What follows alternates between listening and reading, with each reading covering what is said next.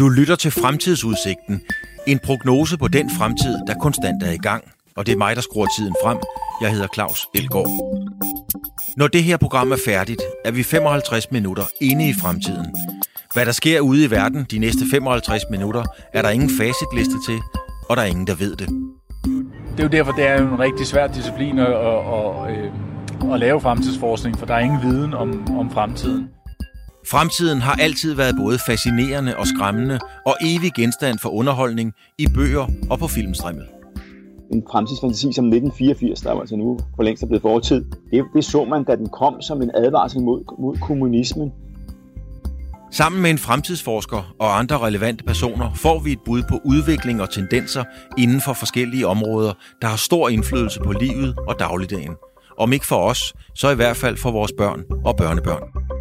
Instituttet for Fremtidsforskning er sat i verden for at forberede os på de muligheder og udfordringer, som fremtiden giver, og det gør vi ved at studere nogle af de udviklingstræk, der er i dag.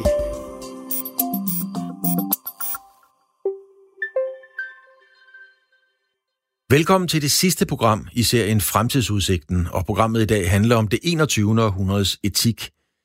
Med den store udvikling i verden, og ikke mindst udsigten til en evigt forandrende fremtid, så må vi bestemt ikke glemme etikken.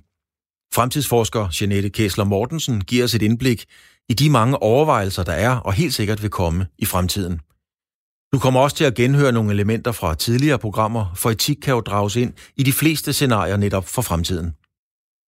I første omgang skal vi lige have defineret, hvad etik egentlig er. Det forsøger Søren Harnov Clausen at forklare. Han er professor i filosofi på Syddansk Universitet. Etik handler grundlæggende om, at man tager nogle andre hensyn, end dem, der lige umiddelbart øh, gælder en selv eller hjælper en selv. Og, og igen, det kan man også sige, det, det er sådan historisk, at øh, etikken har udviklet sig, at øh, der viser, at øh, mennesker er bedst tjent med ikke at gøre det, de umiddelbart har lyst til. Øh, det tjener sådan set alle bedst, hvis man øh, viser lidt, ja, lidt hensyn til andre, som sagt. Og øh, man kan så sige, man, man øh, forstår også, at man selv handler etisk, og man forstår sig selv som en, der handler etisk, når man ligesom bemærker, at man gør noget, der, som man ikke gør alene, fordi det tjener en selv. Og det er jo nok tydeligst i de tilfælde, hvor man virkelig sætter sine egne interesse til side, ikke? Altså man har lyst til at gøre noget, det er noget, man egentlig gerne vil have, men øh, så øh, sætter, jamen, så lader man være med at gribe ud efter det, så lader man andre komme til fadet. Så, så, så forstår man sig selv som etisk. Vi sidder i øh, Glyptoteket på en bænk, og man kan høre et øh, dejligt lille springvand øh, lige om, øh, om ørerne på os.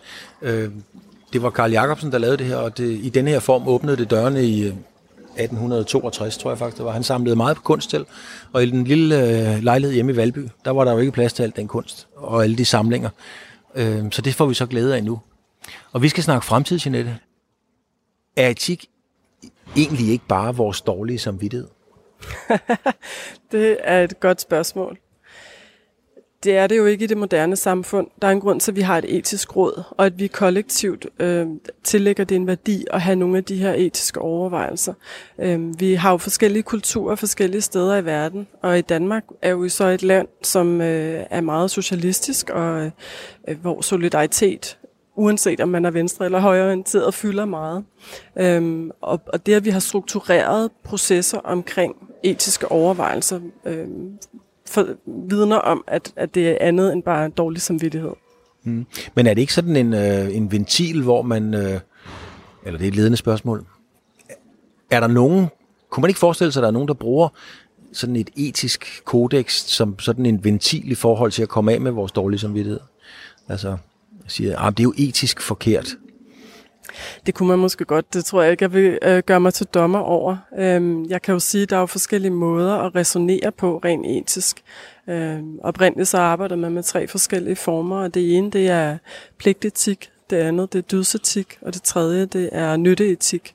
Øhm, i USA for eksempel er man stor tilhænger af nytteetikken, hvor det ligesom er det største benefit for de flest mulige mennesker. Hvor at her i Danmark går vi mere op i øh, sådan noget som pligtetik, frihed under ansvar og dydsetik og behandle hinanden ordentligt, øh, uanset de økonomiske konsekvenser for eksempel. Lad os prøve at tage, at tage hul på det. En af dine øh, kolleger har jeg talt med om kloner, synteser osv., ja. som jo kommer til at spille en stor rolle ud i fremtiden. Altså, vi har allerede robotterne, lige i øjeblikket nøjes de fleste af dem med at slå græs.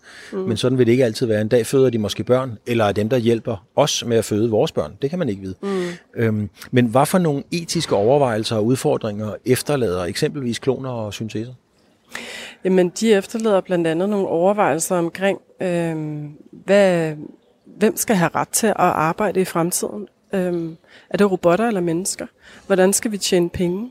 Fordi øh, kommer robotter ind og, øh, og overtager en del af vores job, så står vi lige pludselig med en hel masse tid øh, til overs, øh, tro det eller ej. Det er jo lidt svært at relatere til dan, dagens Danmark, men, øh, men spørgsmålet er, hvem tjener så pengene? Øh, Bill Gates har været ude og foreslå, at at man øh, beskatter robotter, som øh, dermed kan finansiere for eksempel en, en borgerløn. Øh, der kan også være nogle overvejelser omkring, øh, øh, om de skal have menneskerettigheder, altså mm-hmm. robotrettigheder, ligesom vi har menneskerettigheder. Øh, men hvad er den etiske overvejelse i, om en robot skal have menneskerettigheder eller robotrettigheder? Altså, hvad, hvad, hvad vil det være for nogle tanker, man typisk gør sig der? Jamen, hvis ikke mennesker behandler robotter ordentligt, og robotter øh, bliver udviklet i en grad, som ligner mennesker tilpas meget, så kunne man godt antage, at de etiske grænser mennesker imellem vil blive forskubbet. Så hvis, hvis et menneske behandler en robot øh, som en slave, når man, hvorfor skulle man så ikke også behandle andre øh, hvad skal man sige, skabninger, som, som øh, ligner robotten på samme måde? Så det vil ligesom rykke, og det nytter jo ikke noget, at vi går rundt og øh, behandler hinanden som slaver, øh, blot fordi vi har fået noget hjælp i kraft af automatisering af robotter. Øh. Okay, men så lad os, lad os så tænke helt ud af boksen. Nu er der jo kommet en... Sexindustrien er jo ofte et sted, hvor der er meget, der rykker. Der er en masse sexrobotter, øh, mm. og de bliver mere og mere virkelighedstro. Der er også mænd og kvinder, der er blevet både gift og forelsket sig i deres sexrobot. Mm. Lad os nu sige, at de gifter sig en dag, så har man to forskellige etiske regelsæt. Øhm, det kan man sige, eller så skal man netop arbejde på at integrere et etisk regelsæt, hvor at vi integrerer teknologien med bi- biologien, i stedet for at tale det som to adskilte øhm, kategorier. Øhm, dermed ikke, altså, der er selvfølgelig mange måder at gøre det på, men at jeg tror netop, at den, øh, øh hvad skal man sige, den fornemme opgave ligger i at tænke fremtidens etik på en måde, som ikke udelukker robotter og ikke udelukker den udvikling, som vi er vidne til øh, men netop integrere den og adoptere den på en måde, så vi bruger den fornuftigt og, øh, hvad skal man sige, teknologisk modent, hvis man kan sige det sådan. Altså kan man forestille sig, at øh, mennesker, synteser, kloner, robotter, kært barn har mange navne, at de har det, det samme regelsæt, det samme etiske regelsæt at arbejde ud fra? Det kunne man godt. Altså, der er jo en svensk øh, sitcom, som øh, har foreslået, den hedder Real Human, som har foreslået, at, øh, at øh, humanoids, som man også kalder dem, øh, har rettigheder, øh, arbejdsrettigheder øh, på samme øh, fod som mennesker. Så det kunne man godt.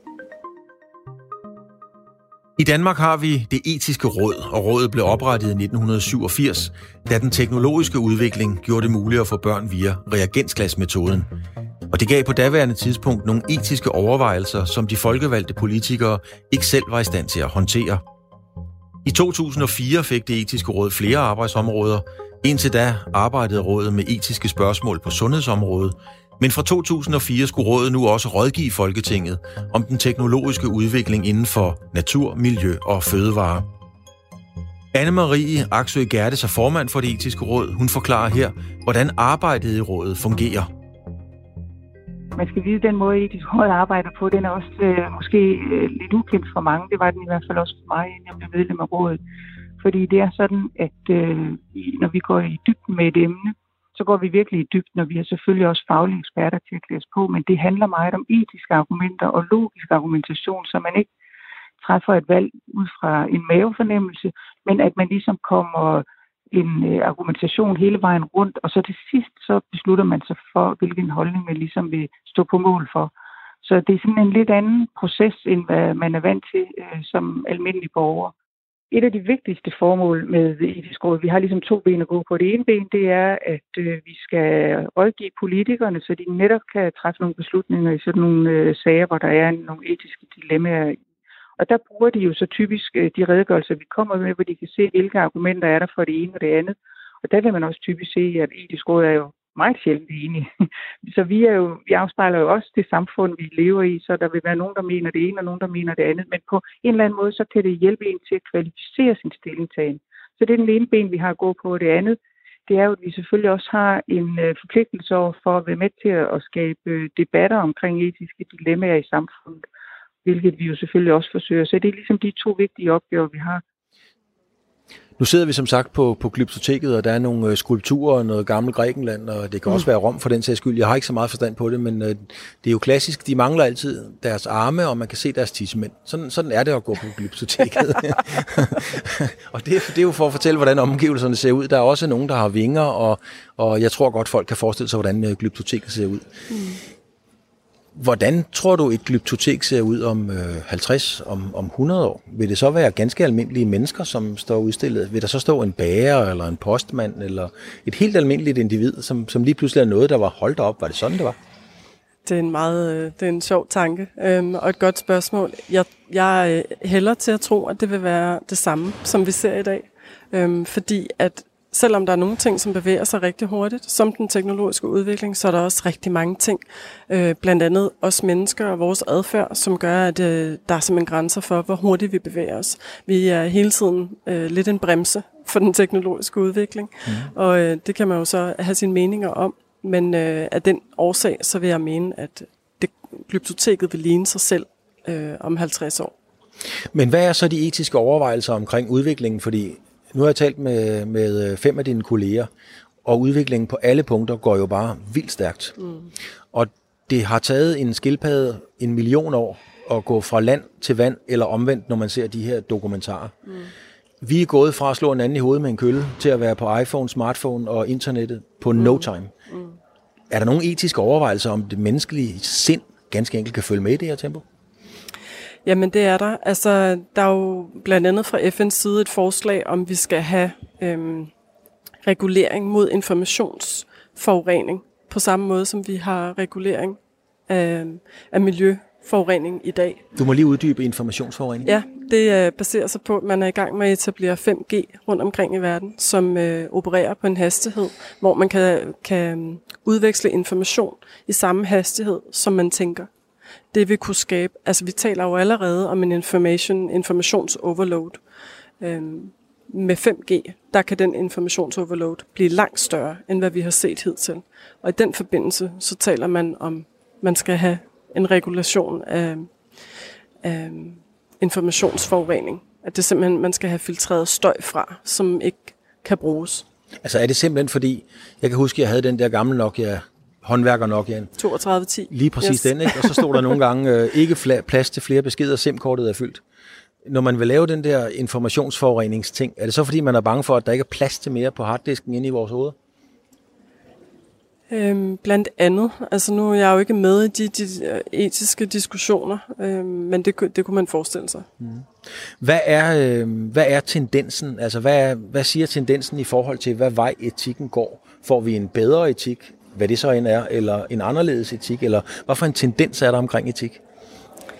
Det tror jeg er meget svært at sige noget om. Øh, det er meget svært at, at sætte adjektiver på, fordi det følger jo selvfølgelig en øh, øh, udviklinger på mange andre områder, blandt andet globalisering. Vi bliver mere og mere øh, forbundet med hinanden på tværs af kulturer, som har meget forskellige værdisystemer og vægter øh, forskellige øh, måder at regere et land på, for eksempel. Den øh, den vestlige dogme omkring øh, liberal, liberalisme og demokrati, den, øh, den har det lidt hårdt jo. Øhm, og vi ser jo, at, hvordan magten den langsomt begynder at skifte østover, hvor der er nogle helt andre øh, værdier, som samfundet baserer sig på. Så øh, det er meget svært at svare på generelt, for det er en meget stor verden, vi prøver at dække. Det bliver ofte meget filosofisk, ja man kan næsten sige teoretisk at tale om etik, og det bliver kun vanskeligere, når vi forsøger at se en udvikling og en fremtid for etikken. Men skal vi have et håndgribeligt eksempel på, hvor fremtiden vil stille nye spørgsmål til etikken, så skal vi kigge mod science fiction film. Filmalmelder Niels Frid Nielsen har igennem hele programserien hjulpet os med referencer til en verden, der i den grad tør stille etiske spørgsmål til fremtiden. En film som Minority Report øh, med, med Tom Cruise i hovedrollen, det er en udforskning af, hvad vil der egentlig ske, hvis øh, politiet en dag begynder at anholde forbryderen, inden han begår forbrydelsen? Øh, vil det ikke være en genvej til et fredeligt samfund? Øh, men vil det også være et etisk samfund? For kan vi tillade os om at anholde nogen? Kan vi og sigte nogen, før de har gjort noget? Nogle vil jo sige, jamen altså, så slipper vi for mange, mange tragedier og mange drab og forbrydelser. Men etisk set, så er det jo skråplan, fordi vi i en retsstat, der kan vi jo kun dømme folk, som rent faktisk har gjort de ting, vi beskylder dem for. Øh, så hvis jeg beskylder dig for at have i sinde at begå et eller andet, øh, en eller anden forbrydelse, øh, så vil det i det danske samfund blive betragtet som uetisk at begynde at straffe dig. Øh, men i den her film, øh, der udforsker Steven Spielberg, instruktøren, hvad, hvordan ville det egentlig være, og stiller et stort spørgsmålstegn lige præcis ved etikken. Det kan godt være, at vi vil få en masse forbrydere i fængsel, men ville det være etisk forsvarligt at putte folk i fængsel, før de havde gjort noget? Nej, det ville det nok ikke. Nu er vi midt i en coronatid, mm. øh, og engang kommer der måske en øh, pandemi, eller nok en pandemi i stil med den spanske syge eller den sorte død, som, som vil nærmest aflede en tredjedel af Europas øh, befolkning. Øh, er det så et etisk spørgsmål eller et juridisk spørgsmål, hvis man skal udvælge, hvem får lov at overleve det? Jamen, det er jo langt hen ad vejen et etisk spørgsmål, hvis man har råd til at være etisk. Jeg tror, det vil være et svar.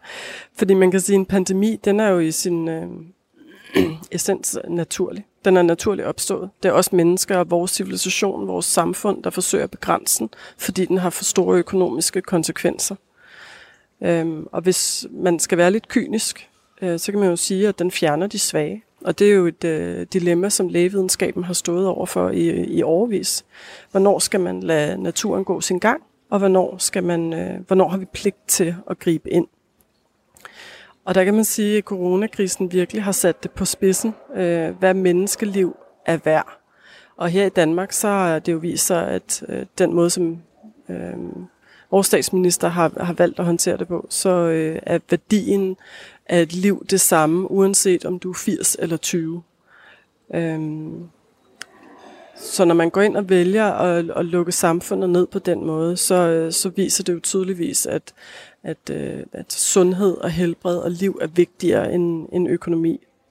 Så, så hvis jeg hører det rigtigt, så... Nej, et tankeeksperiment. Den her pandemi kommer, og der er en, der er meget, meget rig, men måske ikke har de rigtige gener til at føre øh, menneskeslægten videre. Så er der en, der er meget, meget fattig, men som virkelig vil være en, en, en super, øh, et supergen mm. for at, at, at videreføre menneskeslægten. Hvad vil de etiske overvejelser så være? Fordi den rige vil jo have første ret i det samfund, mm. men det er bare den anden, der vil være fornuftig mm. at bringe videre. Ja, men det er et rigtig godt etisk spørgsmål, og det er jo der, hvor øh, money talks øh, desværre langt hen ad vejen. Ja. Øhm, øh, jeg vil ikke komme med nogle etiske konklusioner her, men øh, der vil jo klart være nogle overvejelser omkring, hvordan bruger vi genteknologi, hvis vi går ind og helbreder Øhm, øh, hvad skal man sige, specielt arvelige sygdomme. Altså nu taler du pandemi. Øhm, der arbejder man stadigvæk på en kur som corona, så mm. derfor vil jeg gerne lige trække den over i genteknologi, hvor at øh, man allerede nu øh, lige har lavet øh, de spæde forsøg omkring øh, at helbrede arvelige sygdomme, som normalt vil kræve blodtransfusion. Så på den måde er der nogle fantastiske muligheder i de her øh, genteknologiske metoder som CRISPR. Men, øh, men det vil klart være et dilemma fremadrettet, at vi bliver mere og mere polariseret i verden. Altså der kommer større øh, skæld mellem rig og fattig på verdensplan. Øhm, og det, det er som sædvanligt de rige, der har fordelen, der har råd til den teknologi, det kræver øhm, at, at have et sundere helbred. Men det er jo der, hvor jeg tænker, der rykker etikken sig fordi den snak her ville for nogle år siden have medført mange steder et ramaskrig. Det kan man ikke. Det er fuldstændig øh, vanvittigt. Man må slet ikke have den slags tanker. Men i dag er der jo ikke mange, der ikke synes, at en nakkefoldscanning er ok. Det må da være et udtryk for, at etikken rykker sig efter, hvor, hvor vi selv står. Det må man sige.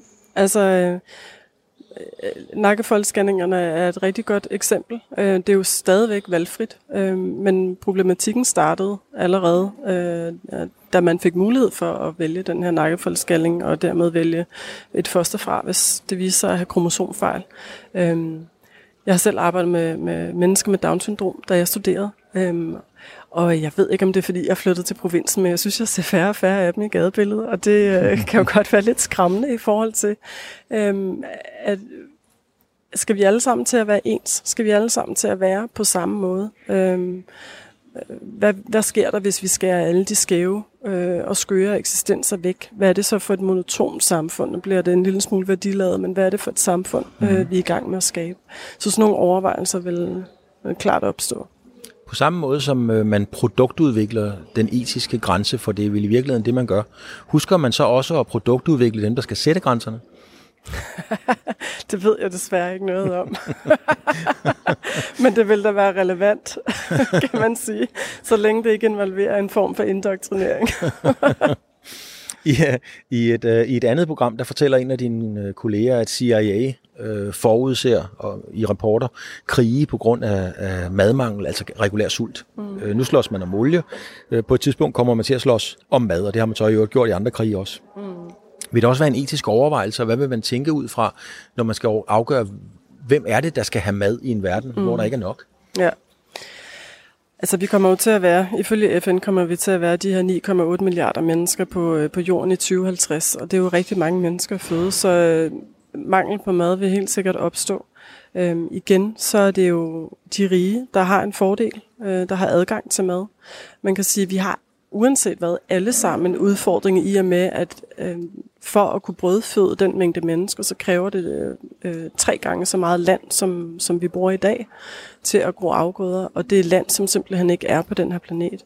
Øh, så man bliver nødt til at tage andre metoder i, i brug, og blandt andet øh, gro mad i, øh, eller dyrke grøntsager og så videre i, øh, i laboratorier. Øh, der kan man jo også gå ind og manipulere Altså allerede i dag, vi arbejder og har længe arbejdet med GMO. Øhm, jeg ved ikke, om min kollega han var inde på noget omkring patent omkring GMO-fødevarer, men det er en anden risiko, som vi går mm. i møde, at, øh, at øh, private virksomheder får patent på, øh, på øh, fødevarer. Hvad efterlader det af etiske overvejelser? Øh, jamen det gør det i, i forhold til, at det så ikke længere alene er de forskellige nationers øh, regeringer, der, sørger, der står for fødevaresikkerheden. Man kan sige, lige pludselig så får de private aktører en vigtig rolle øh, i, hvem der har lov til at producere hvilke fødevarer. Og på den måde påvirker øh, udbud og efterspørgsel.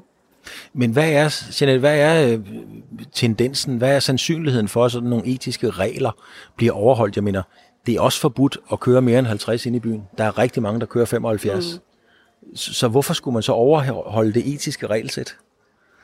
I en fremtid, som, som virkelig kommer til at gå stærkt? Man kan sige, at den tid, vi står i nu, er den tid, vi går i møde. Så, skal man, så er det aktuelt for hele verdens befolkning at overholde et etisk regelsæt, fordi at øh, det bliver sværere og sværere at gro fødevarer øh, dyrke fødevarer.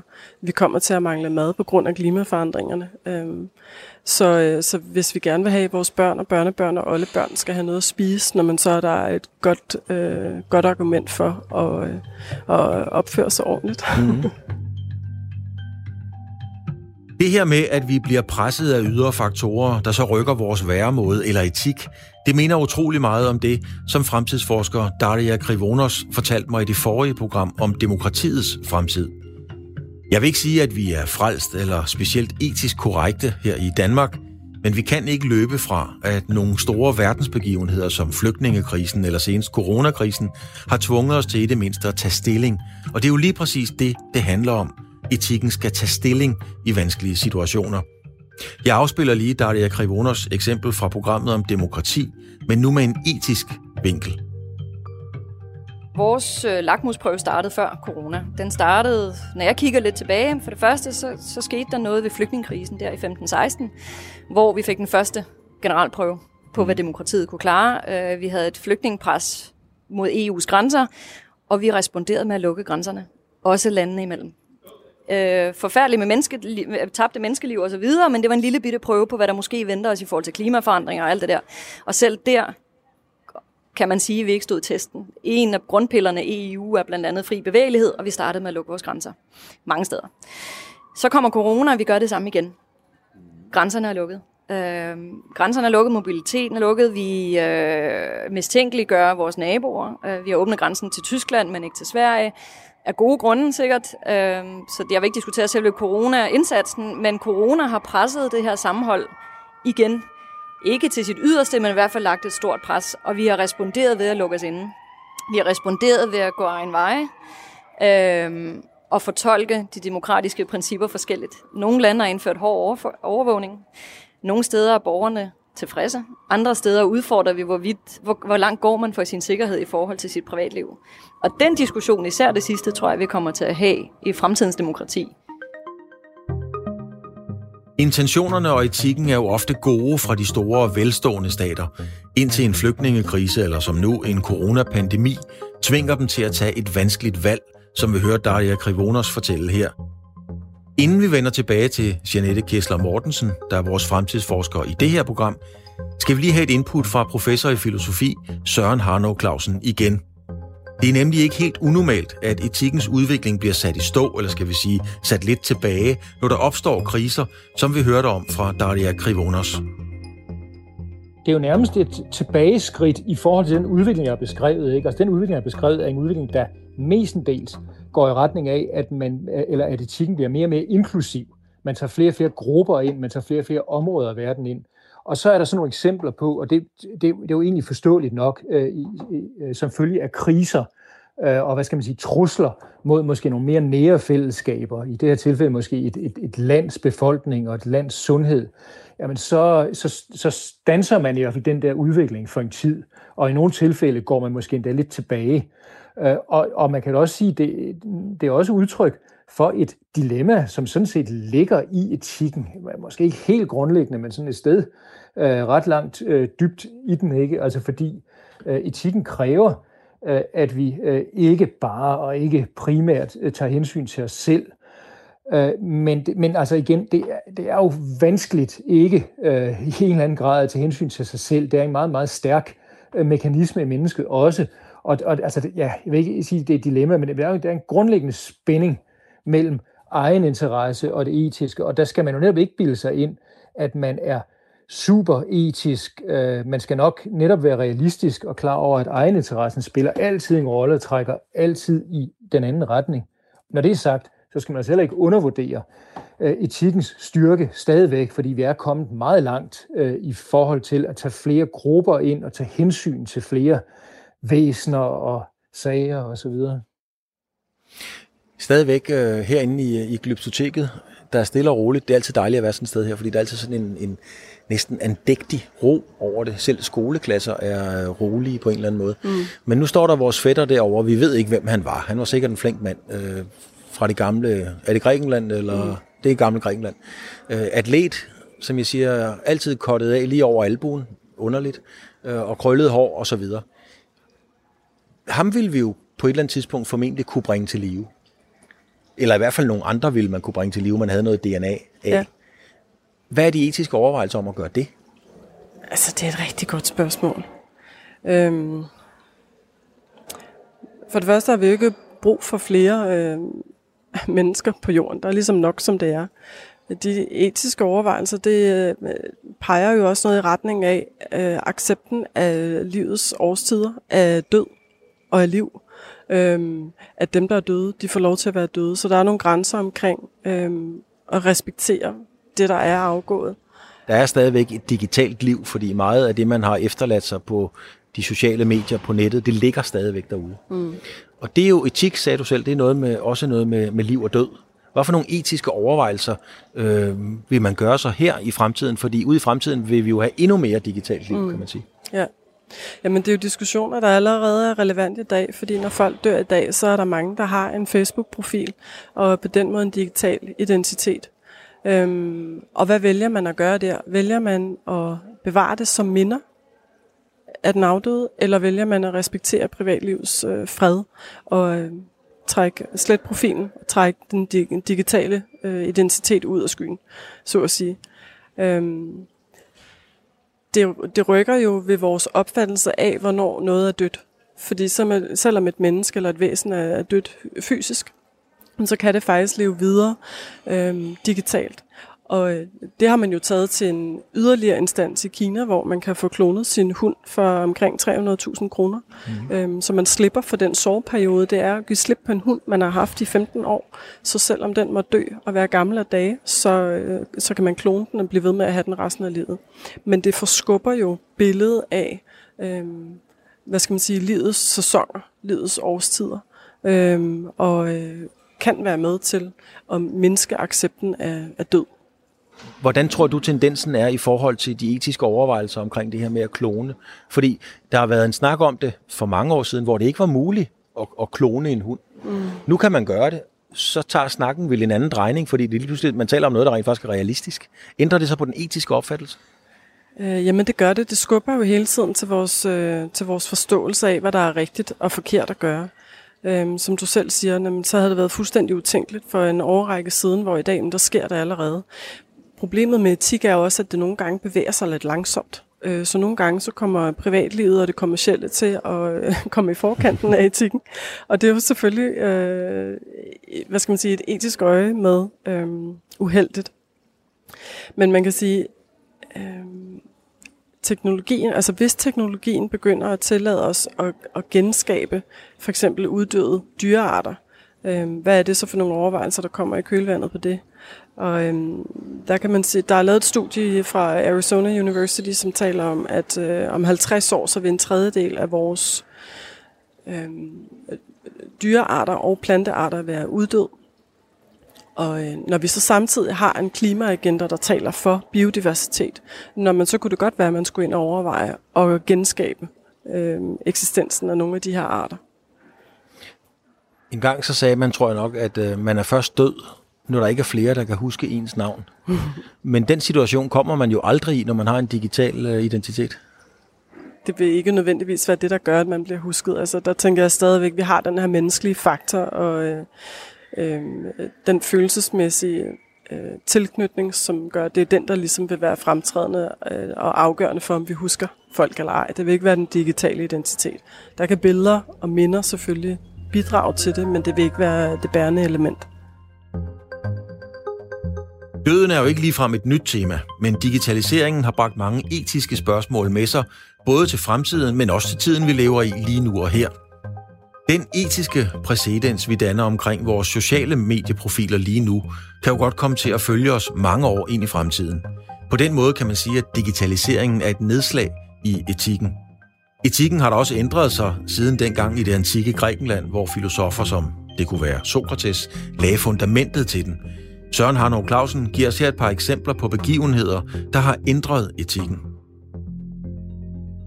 Det er netop nogle nedslag, nogle, hvad skal man sige, nogle tidspunkter i historien, øh, hvor, øh, hvor man har udvidet øh, området for etikken meget kraftigt, blevet opmærksom på, at hey, her er simpelthen noget, som vi også må forholde os etisk til. Og, og der vil jeg nævne to-tre ting. Øh, jeg vil sige, øh, man når efterhånden frem til, at det sådan set er alle mennesker, for eksempel uafhængigt af etnisk øh, gruppe eller etnisk baggrund, som har krav på etisk hensyn. Og der kan man sige sådan konkret, sådan noget som slaveriets øh, afskaffelse, øh, er, er, er et meget godt eksempel på det. ikke. Altså man går fra at øh, godt nok have en etik, men kun anvende den etik på en bestemt etnisk gruppe, og så bliver man opmærksom på, at jamen, der, er jo egentlig, der er jo ikke nogen grund til, at vi ikke også skal forholde os lige så etisk over for nogle andre. Og et, øh, det næste nedslag, lidt i samme dur, det kunne så være øh, kvindernes ligestilling. En anden gruppe, kan man sige, som øh, man langt op i historien ellers ikke har øh, givet det samme etiske hensyn. Der bliver man også opmærksom på, at det har de øh, kvinderne krav på. Øh, og øh, lidt længere op i historien igen, og det er så noget en udvikling, der står på øh, i øjeblikket, og nok bliver øh, kraftigere i det 21. århundrede, vil jeg godt spå. Øh, dyrene og i det hele taget naturen, kan man sige, udover det, der har med os mennesker at gøre, øh, begynder vi også at blive opmærksomme på, øh, har krav på etisk hensyn. Så det, det har været tre, eller det er tre væsentlige nedslag, vil jeg sige, som ja, ligesom repræsenterer nogle skift, ikke i etikken helt grundlæggende, men i den måde, vi anvender etikken på. Omkring etik, der er nogle ting ved etik, som, øh, som jeg er nødt til at få defineret, hvordan man øh, måler noget ud fra et etisk synspunkt. For ikke så lang tid siden var der en debat i radioen, hvor øh, det var noget medicin, som kunne redde et, øh, et spædbarn. Mm. Det kostede rigtig mange penge. Øhm, og det var jo tragisk, hvis et spædbarn skulle gå til spilde. Men hvorfor er det etisk mere tragisk, at det er et spædbarn, end hvis det er en pensionist på 78? Mm. Som udgangspunkt, så øh, vil jeg ikke mene, at etik kan måles på den måde, men jeg er med på, hvor, hvor, du er, hvor du er henne. Og det er jo nogle af de overvejelser, vi også har i forbindelse med den krise, vi står i lige nu med corona. Hvilket liv er mere værd? Og det er der jo rigtig mange øh, faktorer, der spiller ind øh, på. Men helt grundlæggende, så vil det menneskelige svar jo være, at der er ikke nogen forskel. Det er klart. Men nu opstår etiske dilemmaer jo der, hvor man er tvunget til at vælge. Og at, hvad skal man sige, indbegrebet af et etisk dilemma er jo, at, at det i sin natur er selvmodsigende, om man skal vælge mellem pest eller kolera. Øhm, hvis man skal tage de kyniske briller på, så kan man sige, at de unge har den fordel, øhm, at de øh, bidrager til BNP, og produktionstabet i samfundet er lavere ved, at, øh, at det er ældre, der bliver syge eller dør, end hvis det er unge. Men så kunne man jo også vente om, fordi det er ud fra et helt rationelt produktivt synspunkt, mm.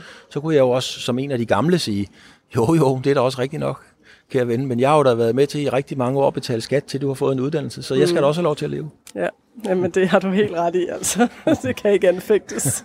så, så hvordan, hvordan sætter man sig ned og navigerer i det? Det, det ja. der må være et vanvittigt svært landskab at, at, at arbejde i. Absolut, og jeg er rigtig glad for, at vi har et etisk råd, som, som står for den del. Ja. Fordi det, det er også et spørgsmål om at kunne se sig selv i øjnene. Mm. Og hvor får du det fra? Altså, hvor får du din viden fra, din kilde, din brønd til at fortælle mig det, du fortæller nu? Jamen oprindeligt så har jeg jo læst idehistorie på øh, Lund Universitet og politisk filosofi, hvor etik er en stor del af det. Øh, dernæst så øh, er det jo en personlig interesse, mm. og øh, FN har lavet det her, de kalder The Millennium Project, som går ud på at undersøge forskellige aspekter af det århundrede, vi, øh, vi er begyndt på. Og der er et af dem at kigge på de etiske dilemmaer, og øh, det er der, jeg trækker øh, min viden omkring, og refleksioner omkring øh, fremtidens etiske dilemmaer. En af dine kolleger fortæller, at, øh, at man vil kunne genmanipulere mennesker, eksempelvis med sukkersyge, så de selv producerer insulin. Mm.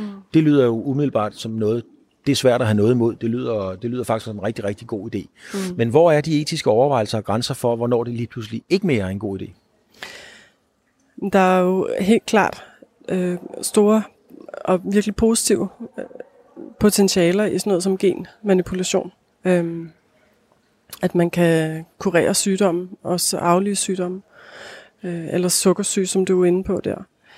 På den anden side, så kan man sige, at vi måske også begynder at bevæge os ud over, øh, der er et begreb, der hedder transhumanisme, og det går i bund og grund ud på, at vi øh, bryder de eksisterende fysiske, fysiske begrænsninger, vi har som mennesker, øh, og begynder at manipulere med vores øh, biologi.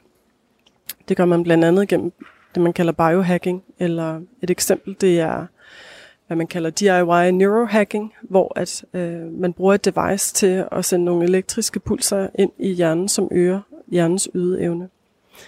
Og øh, der kan man sige, når man har vi, har vi ret til som mennesker, fordi vi har adgang til den her teknologi, og øge vores IQ øh, ved hjælp af teknologi, eller øh, hvornår er nok nok? Øh, man kan sige, hvis vi har retten, skal vi så til at indrette samfundet anderledes? Skal vi have øh, olympiske lege for eksempel? Et til, lad mig kalde dem helt almindelige mennesker, der er som de er øh, med den afmasse, de er født med. Og øh, skal vi have en, en anden et andet olympisk lege, som ikke er de paralympiske, men som er for enhanced humans, altså som har nogle overmenneskelige evner, øh, som de har tilegnet sig gennem virkemidler eller teknologi. Det er sådan nogle spørgsmål, der vil rejse sig. Mm. Jeg er jo gammel uh, Shubidua-fan, og Shubidua havde engang uh, en sang, hvor de sang, hvad skal barnet hedde? Simonsen plus forskellen dernede. Og det refererede selvfølgelig til, hvis det var en dreng, så var det Allan Simonsen, og hvis det var en pige, så var det René Toft Simonsen. Altså allerede dengang, i 70'erne, der sang Shubidua om, at man kunne gensplejse, eller man kunne simpelthen designe en baby. Mm. Det var jo det, de sang om. Mm. Hvad for nogle overvejelser er der omkring det? Der er jo nogle overvejelser i forbindelse med, om vi alle sammen skal til at være ens. Om, øh, om vi er i gang med at skabe en ny ren race. Øh, vi har jo nogle erfaringer for, hvordan det gik under 2. verdenskrig, da der var en, der fik den idé om den rene race. Øh, og, øh, og spørgsmålet hvad det er, er, hvad det er for et samfund, vi gerne vil skabe. Hvor at, øhm, kan vi gå ind og designe babyer allerede på fosterstadie? øh, vælge hvilken farve øjne de skal have. Øh, ender vi så med at have en enorm homogen øh, befolkning på, øh, på kloden, som, øh, man kan sige, de positive effekter kan jo være, når man så har vi måske færre integrationsproblemer, der er mindre racisme af den årsag osv. Men, men det er jo selvfølgelig meget isoleret set, fordi der er så mange andre faktorer, der spiller ind som kultur osv. Øhm, og derudover så skal man nok også huske på, at den viden, vi har om øh, gener lige nu, og den genteknologi, vi bruger, den står kun for et, en meget lille procentdel af hele genetikken. Øh, jeg mener, men nu er jeg ikke sikker, jeg mener kun det er 3 procent. Og resten består af det, man kalder epigenetik, som simpelthen er det kulturelle DNA, øh, DNA som man øh, arver øh, fra generationer til generationer. Og hele den del, det vil sige, det er 97 procent, som man endnu ikke er begyndt at undersøge. Man er kun lige gået i gang. Øhm, så der er jo rigtig meget, vi ikke ved, vi ikke ved. Øhm, og det, øh, ja, det kræver jo også nogle overvejelser fremadrettet. Det kræver i den grad overvejelser fremadrettet, når det handler om at designe os mennesker. Der gemmer sig helt sikkert et voldsomt og stort potentiale i lige præcis det område – det hørte jeg allerede i det første program om kloner. Det var fra fremtidsforsker Claus A. Mogensen. Han præsenterede mig for et fremtidsscenarie, der i allerhøjeste grad vil komme til at sætte etikken på spidsen. For en ting er, at man kan designe børn på fosterstadiet, men hvad nu hvis forskere eller opfindere en dag kan præsentere en kunstig lægemstil, der er bedre end den originale? Lad os lige genhøre den bid med Claus E. Mogensen. Med tiden kunne det jo godt være sådan, en protese bliver lige så stærk og har lige så god følelsesand som øh, en, en, en naturlig arm, og måske med tiden endda endnu bedre.